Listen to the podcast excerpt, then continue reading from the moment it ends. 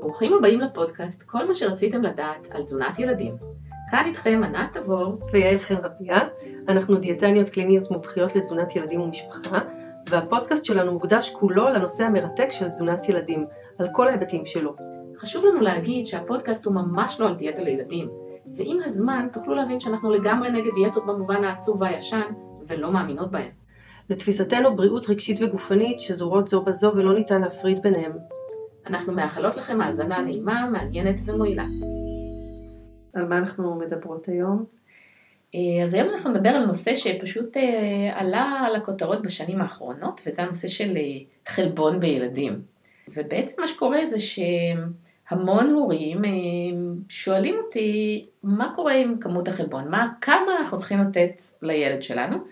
ואני אספר ככה סיפור ממש מה, מהשבוע האחרון. שהגיעו אליי איזשהו זוג הורים עם ילדה בת תשע בעודף משקל, ואבא שלה עכשיו נמצא באיזושהי תוכנית כזאת של, אה, לא אזכיר שמות מדויקים, אבל אה, דיאטות חלבון כאלה, שזה הכל, אה, אוכלים בעיקר מלא בשר וביצים ומוצרי חלב, בקיצור המון חלבונים, והוא כבר ירד מזה נורא יפה במשקל, והוא שואל, שאל אותי, תגידי, אולי הבת שלי לא אוכלת מספיק חלבון? תראי, היא מעדיפה את הפחמימות, היא לא כל כך אוהבת בשר, היא ממש לא אוהבת בשר אדום, אופי היא עושה טובה שהיא אוכלת, היא יכולה חופשי להסתפק בארוחה שמבוססת על פסטה, או על אה, אורז, או על אה, לחם עם איזה משהו, והיא לא כל כך אוהבת אה, את כל המקורות של החלבון, ואני נורא דואג. ואיך את התרשמת? מה ענית לו? ילדה באמת מי אתה באכילת חלבון? אז תראי, זה, זה מעניין, כן? כי הילדה ממה שככה נכנסתי לעומק ובדקתי מה היא אוכלת, הילדה תכלס אוכלת כמות ממש תקינה של חלבון בהתאם להמלצות לגיל שלה. אבל, אבל, היא כן מרבה בפחמימות מהסוג הפחות טוב, שזה נגיד לחם לבן ופיתות וכל מיני מאפים שהיא מאוד מאוד אוהבת ו- וכך הלאה. זאת אומרת, זה לא רק שהיא לא אוכלת מס... זאת אומרת, היא כן אוכלת מספיק חלבון, אבל היא, היא מרבה מדי בדברים אחרים שהם לא כאלה טובים. בנוסף אוכלת גם... כן, אז, אז זה לא שבהכרח זה בא אחד על חשבון השני, כן, אבל זה, היא באמת לא מאוד אוהבת. אני חושבת שהרבה ילדים, בעיקר בגיל צעיר יותר, לא מאוד אוהבים לאכול בשר ועוף וכאלה. הם כן אוהבים את הפחמימות, כי הם זקוקים לזה, האנרגיה שלהם מאוד מאוד אנרגטית. ולכן התפקיד שלנו זה לתת להם את הסוג הנכון של הפחמימות, אבל האמת שאנחנו מדברים על חלבונים, נכון. ולא על פחמימות. את צודקת, אני גם אה, מתרשמת שבתקופה האחרונה יש מין אה, נטייה כזאת אה, לחפש להגדיל את כמות החלבון בתפריטים, בכל מיני צורות כאלה ואחרות, ובעיקר אולי אצל בני נוער. אז אולי נתחיל ככה לעשות סדר להורים ותסביר לנו בכלל מה זה חלבונים. אוקיי, אז החלבונים בעצם, אה, הם בונים אה, את הגוף שלנו. זאת אומרת, המקור העיקרי של אה, המבנים בגוף שלנו הם החלבונים, וגם הם על הבסיס של החלבונים בנויים כל האנזימים וכל, וכל ההורמונים וכך הלאה, כל הדברים שמניעים את הפעילות בתוך הגוף שלנו. הם גם ספקי אנרגיה. הם גם ספקי אנרגיה, נכון, לעת מצוא. זאת אומרת, כשאין לנו מספיק אנרגיה, הגוף שלנו יכול להשתמש בחלבון בשביל לייצר אנרגיה. ואנחנו נדבר על זה עוד מעט, למה בעצם אה, חשוב אה, לאכול מספיק אוכל נוסף ולא רק חלבון. אז מבחינת המבנה שלהם הם בנויים מאבני בניין בסיסיות שקוראים להם אה, חומצות אמיניות, או חומצות אמינו, תלוי באיזה שפה, ואותן חומצות אמיניות נמצאות בכל סוגי המזון כמעט, כן? את יכולה לתת דוגמאות? כן, אז, אז למשל, כמובן שאנחנו יודעים, כן, שבבשר ועוף ודגים, ו... כמובן ביצים, יש חלבון, אבל לא רק, אנחנו יכולים למצוא חלבון כמובן גם במוצרי חלב, אנחנו יכולים למצוא חלבון גם בקטניות, גם בדגנים, אבל יש מעט חלבון גם בירקות וגם בפירות, כמות קטנה, אבל עדיין קיימת. יש טיפונת חלבון בכל הדברים האלה. כמעט אין מזון שאין בו כמות קטנה של חלבון, אם מדובר על נגיד אה, טחינה וכל מיני זרעים אה, שונים, אה, גרעינים, אגוזים וזה, כולם מכילים כמות יפה של חלבון. ויש איזו תחושה כזה בציבור שחלבון זה רק אה, חייב לבוא או מקטניות או מבשר, וזה לא נכון, זה לא נכון. כן, אפילו יותר אה, מבשר, העניין הזה של חלבון מלא. זאת אומרת, הרבה אה, מתבגרים למשל רוצים לדעת איזה מקורות יש לחלבון מלא. אז כמו שאמרתי, מכיוון שכל החלבונים בנויים מאבני בניין שקוראים להם חומצות אמינו, וחלק מהחומצות האמינו האלה, הגוף שלנו לא יודע לייצר אותם מאחרות. חלק, את רובן כן הוא יודע לייצר, אבל חלק מהם הוא לא יודע לייצר לבד, והוא פשוט חייב לקבל את אבני הבניין הספציפיות האלה, את החומצות האמיניות האלה מהמזון. ויש במוצרי מזון שונים, יש סוגים שונים של אותן חומצות אמיניות חיוניות, וכשאנחנו מתייחסים לחלבון מלא, אנחנו אומרים שחלבון מלא מכיל את כל אותן החומצות האמינו שהגוף לא יודע לייצר בעצמו. ולכן חשוב לקבל חלבון מלא, בעיקר בגיל צעיר אצל ילדים, הגוף לא יודע לבנות את עצמו כראוי בלעדיהן. ואיפה אז... נמצא, איפה החלבונים האלה נמצאים, חלבונים המלאים? כן, אז חלבון מלא שמכיל את כל החומצות האמינו, זה באמת חלבונים שהמקור שלהם הוא בדרך כלל מהחי, שזה בשר, דגים, ביצים, מוצרי חלב, אבל, אבל, אין בעיה לקבל גם חלבונים ממקורות שונים מהצומח, ואם אנחנו עושים השלמה, נגיד, דוגמה, בסויה, שזה קטנית, או בגרגירי חומוס, או באפונה, או בשעועית, זה מקור של חלבון מהצומח.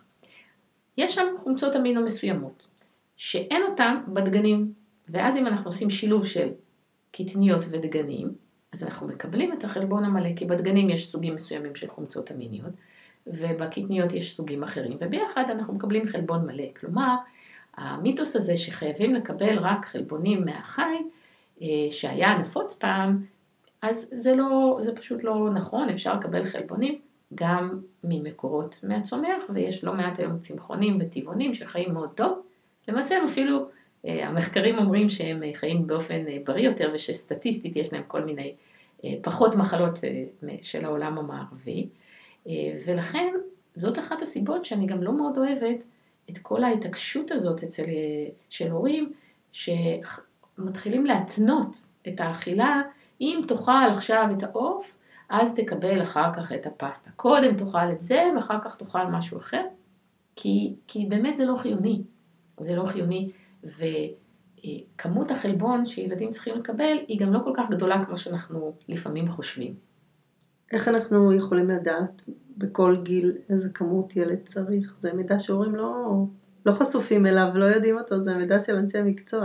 נכון, אז סדר אה, גודל של כמות נדרשת של חלבון לילדים, וזה מאוד תלוי בגיל, אה, זה משהו כמו פלוס מינוס, שוב, בין 1 ל-1.5 באמת, שזה כבר כמות גדולה, של גרם חלבון, לקילוגרם גוף של הילד. כלומר, אם נניח יש לנו ילד ששוקל משהו כמו 25 קילוגרם, אז למעשה הילד הזה לא צריך לקבל הרבה יותר מאשר 25 גרם חלבון ליממה. ותכלס, ממש קל להגיע לכמות הזאת.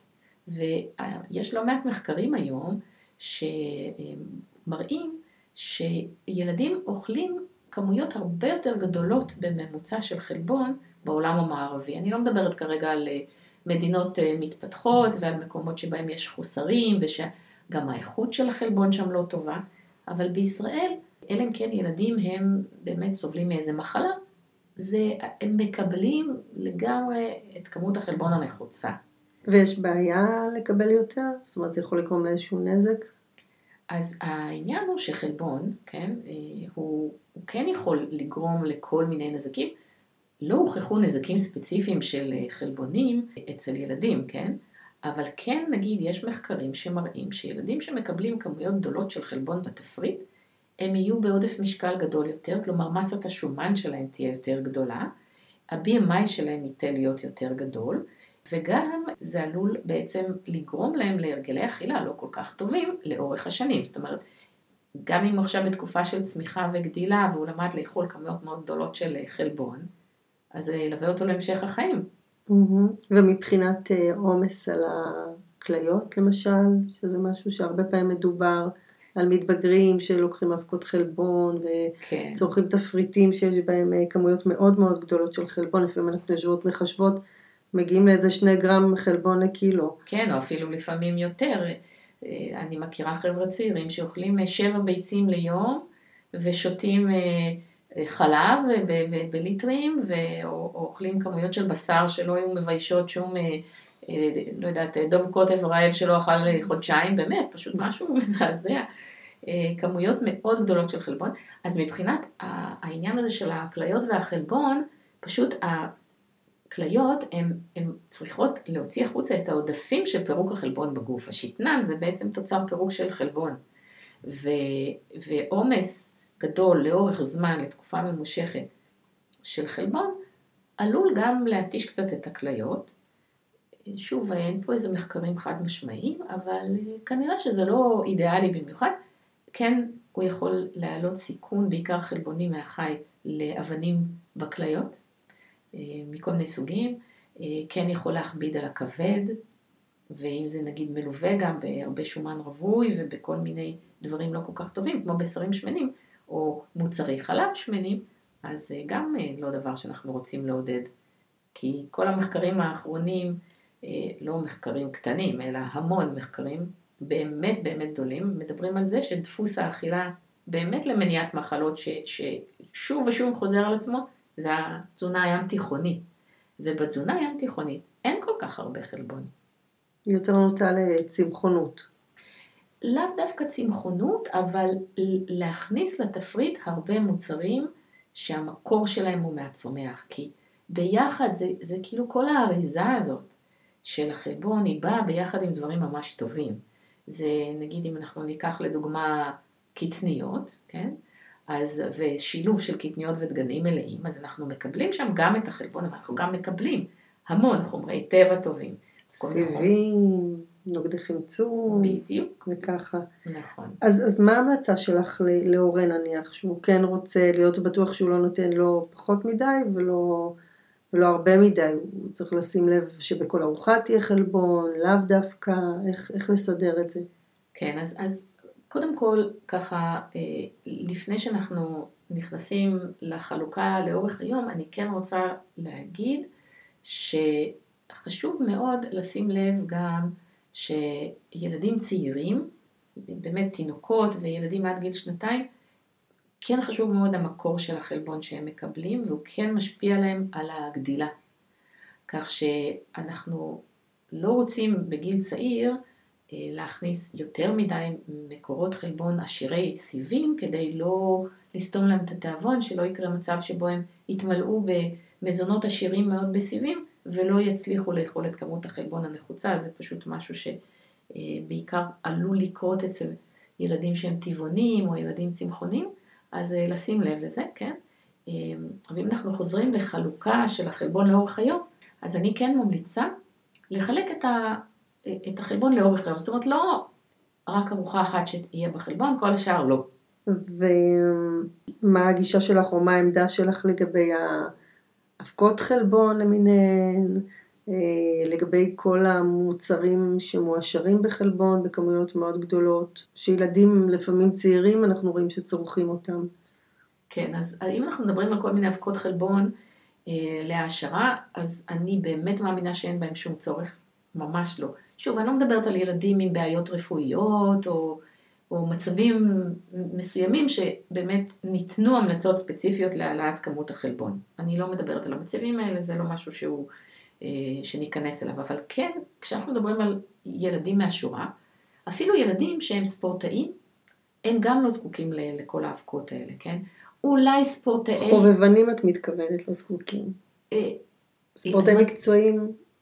לא, אני אומרת ילדים שהם לא ספורטאים מקצועיים, הם באמת לא זקוקים לתוספות האלה, אין בהם צורך. וגם אם הילד עושה כל יום פעילות גופנית, שזה דבר שאנחנו רוצים שיקרה, אנחנו קצת חיים בעולם ש...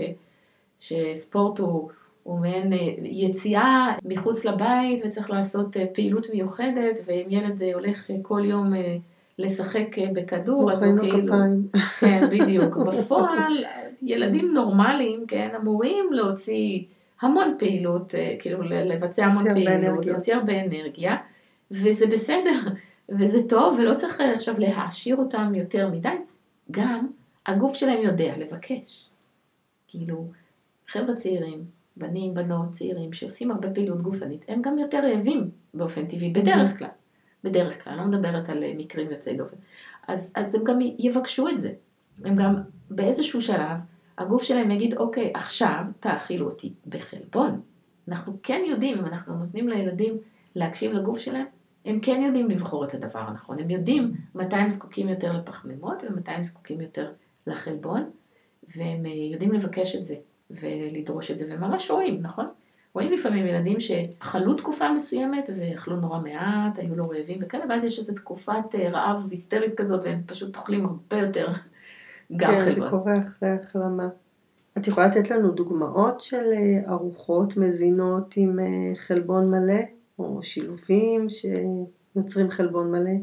כן, אז אם אנחנו מדברים על חלבון מלא, שמכיל בעצם את כל חומצות האמיניות החיוניות, אז כשמדובר במוצרים מהחי, כמו אם ילד מקבל נניח איזושהי מנה של עוף, כן, מוקפץ או דברים כאלה, או שהוא מקבל מנה של דג, קציצות דג, שהוא מקבל קציצות בשר, או שהוא מקבל, לא יודעת, כדורי בשר ברוטב, אה, אז יש בזה את כל חומצות האמינו החיוניות. ובאמת קצת יותר קל להכין את זה להורים, אבל מצד שני צריך לשלב את זה עם עוד דברים שהם בריאים וטובים, כמו ירקות ומקורות נוספים לסיבים תזונתיים, אוקיי? ואם אנחנו מדברים על מוצרים מהצומח, חלבון מהצומח, אז השילוב האידיאלי זה דגנים וקטניות ביחד, כי בדגנים יש סוגים מסוימים של חומצות אמיניות, ובקטניות יש הרכב אחר של חומצות אמיניות חיוניות, ביחד, אלה ואלה משלימים אחד את השני, ואנחנו כן מקבלים חלבון מלא. אז דוגמה, כן, נניח מג'דרה. מה זה מג'דרה? זה אורז עם עדשים, אוקיי? אז אני כן ממליצה שלא יהיה שם המון אורז ומעט מאוד עדשים, אלא שכמות של העדשים תהיה יפה, אם זאת מנה חלבונית עיקרית. אז משהו כמו חצי חצי אורז ועדשים זה מצוין, או אפילו טיפה יותר עדשים, ואז אנחנו מקבלים מנה שמספקת את כל החלבון שאנחנו צריכים. כמובן אם מוסיפים ליד זה סלט או איזה מרק ירקות או משהו כזה, מקבלים אחלה ארוחה. או דוגמה אחרת, אה, אורז, ואם אפשר אורז מלא זה מצוין. אז נגיד אורז עם שועית, כן? שועית אדומה, שועית לבנה, שועית מנומרת, מה שאוכלים בדרום אמריקה. אגב, קרנבל, כן? זה בעצם חג הבשר, קרנבל, כן? זה רק באירועים מיוחדים היו מגישים בעבר בשר, ובדרום אמריקה הם ניזונו בעיקר בחלבונים אה, מקטניות, מהשילוב של תירס, שזה דגן, וקטניות אה, בסגנון של שועית, אז ביחד זה חלבון מלא, וככה הם חיו, חיו מאוד יפה. זה הפוך ממה שחשבתי, אני יודעת שבדרום אמריקה ובעיקר בארגנטינה אוכלים הרבה בשר. נכון? אה, נכון. אסדו. נכון, נכון, אוכלים, בארגנטינה באמת אוכלים כמויות מאוד גדולות של בשר, מבחינתם יכולים לאכול בשר שלוש פעמים ביום, ובאמת גם בשרים כאלה עתירים, זה לא, הם לא אוכלים אה, כמה קציצות קטנות, הם אוכלים אה, מנה מנה של בשר. בפועל זה לא מה שהיה בעבר, זאת אומרת זה עניין של אולי 150-200 שנה ככה, אבל לאורך כל ההיסטוריה הארוכה יותר של אלה שבאמת אותם ילידי דרום אמריקה, הם חיו אחרת לגמרי ממה שאנחנו חושבים שחיים, mm-hmm. כאילו, ממה שנדמה לנו היום. אה, והם אה, היו אה, כנראה בריאים למדי, עד ש... אבל זה כבר סיפור אחר, מה קרה כשהגיעו הפולשים מאירופה. בכל אופן, אנחנו כנראה, כנראה, בשנים האחרונות, בגלל ה... כל הדיאטות האלה, ש... שבאמת מדברים כל כך הרבה, כמה חלבונים, זה, זה טוב לבריאות, וכמה זה מחזק שרירים, וכמה חלבון צריך, וכל החברות שנכנסו עם כל מיני מוצרים מועשרים בחלבון, אפשר היום למצוא לא רק יוגורטים מועשרים בחלבון, אפשר למצוא היום אה, פסטה מועשרת בחלבון, ופתיתים מועשרים בחלבון, וכל מיני חטיפי חלבון, כל ביס אה, חטיף זה, זה ערימת חלבון כזאת. לא תמיד יש להם צורך. בדרך כלל אין בהם כל כך הרבה צורך. זה שאנחנו כל פעם מחפשים את הלהיט התורן של מה יגרום לנו לרדת במשקל, זה עדיין לא אומר שזה טוב, ובטח לא להכיל את זה על הילדים שלנו. ומה עם ילדים שבכל זאת, או מתבגרים, שבכל זאת הם עושים פעילות גופנית והם מוצאים הרבה אנרגיה, הם עושים את זה באופן אה, יומיומי, או עושים מספר כזה אה, של שעות בשבוע, עם עצימות כזאת, שהם בכל זאת מוצאים אה, יותר אנרגיה מאחרים, והם אומנם לא ספורטאים מקצועיים של אולימפיאדה, אבל הם ספורטאים. אז אני לא נגד, נגיד במתבגרים, כל הבנים האלה שרוצים לבנות מסת שריר בחדר כושר, או שעושים באמת המון, לא יודעת, נמצאים באיזשהו חוג כדורסל, באיזה נבחרת, ומשחקים שלוש-ארבע פעמים בשבוע, שעתיים בכל מיני משחקי כדור, אז כן, כדאי להם לאכול כמות מספקת של חלבון, כן, אבל גם הם, גם אם הם יאכלו אפילו 1.8 גרם חלבון לקילוגרם גוף, קילוגרם גוף רצוי, כמו שאמרנו, עדיין זה לא יגיע לכ... לכמויות כמו שהם מפנטזים שהם צריכים, כי הם פשוט עוברים את זה פי שתיים לפחות. ומה שעוד דבר, דבר מאוד חשוב לזכור, זה שעודפים של חלבון לא גורמים לעודפים של שרירים, הם פשוט נהפכים בגוף שלנו לשומן, והם גורמים לנו לעודף משקל, וגם הצד השני, כלומר, אלה שיאכלו המון חלבון ולא יאכלו מספיק מקורות אנרגיה מהפחמימות אה, ומהשומן, אז הגוף שלהם ייקח את החלבון ויפרק אותו לאנרגיה. ולפעמים חבר'ה צעירים שאוכלים בעיקר באמת המון חלבונים, לא מקבלים מספיק אנרגיה בתפריט, ויוצא שכל החלבונים הולכים לצורך שריפת אנרגיה, ולא לבניית שריר, אז זה גם לא הדבר הנכון לעשות, אז צריך לשים לב ולמתן אותם, כי ילדים, את יודעת, הם קיצוניים לפעמים, והם לא באמת מבינים מה זה אומר איזון, ולא רק ילדים, גם כל מיני מוכרי דיאטות ותוכניות, מה הם ימכרו לנו? איזון? משעמם. רוצים למכור לנו איזושהי שיטת קסם, או איזושהי דיאטה מיוחדת, כי אם הם לא ימכרו לנו את זה, לא יהיה להם מה למכור. אז אה, הם הרבה פעמים מאוד מטעים. צריך מאוד אה, לשים לב, לא ליפול בפח הזה. ולפעמים גם לא להיגרר אחרי הבקשות של אה, מתבגרים, לקנות כל מיני תוספי מזון, אבקות מסוימות. זה יכול להיות בעייתי בכל מיני מובנים, לא רק מבחינת כמות החלבון. נכון, נכון. לפעמים בכל מיני אבקות חלבון, וכבר גילו שזה קיים, יש כל מיני שאריות של חומרים לא בריאים, אם זה בגלל שזה באמת מעובד, זה, זה לא, לא לוקחים חלבון ומזקקים אותו בקלות, כן? אז כל מיני חומרים, ש... כל מיני שאריות של מתכות כבדות, כבר שמעתי שנמצאו באבקות חלבון. ועוד משהו זה שיש חברות של תוספי חלבון, שמצאו בהם כל מיני חומרים שהם ממש לא חלבון. אה, סטרואידים אנבוליים, כל מיני דברים ממש מזיקים, שהחברות האלה הוסיפו, כי אמרו, הנה, יש לנו פה מה שנקרא גיינר, כן, גיינר זה כזה שמוסיף to gain אה, חלבון, to gain muscle, אז קוראים להם גיינרים, אז כל מיני גיינרים שככה בדלת האחורית הוסיפו להם שם דברים מאוד מזיקים כדי לבנות שריר, זה באמת עבד מאוד יפה, אבל זה גם עושה המון נזקים בריאותיים. בפרט כשאנחנו מדברים על ילדים, גם ילדים שהם לא מאוד צעירים, אבל עדיין ילדים בגיל הגדילה, בגיל ההתבגרות, הייתי מאוד נזהרת מהעודפים האלו ומחפשת את ה... לתת את החלבון בצורה הרבה יותר טבעית ובריאה. אוקיי, okay, מעניין. אז איך את מסכמת ככה את השיחה שלנו? יותר נכון, אה, היום אני הייתי בתפקיד המראיינת. טוב, אז אם אנחנו מסכמים, אז אנחנו יכולים להגיד שכנראה כמות החלבון הסטנדרטית שילד מקבל היא מספיקה, לא צריך להעמיס עליו חלבון. גם אם ילד הוא בעודף משקל, לא צריך לרדוף אחריו שיאכל את החלבונים ושימנע מהפחמימות.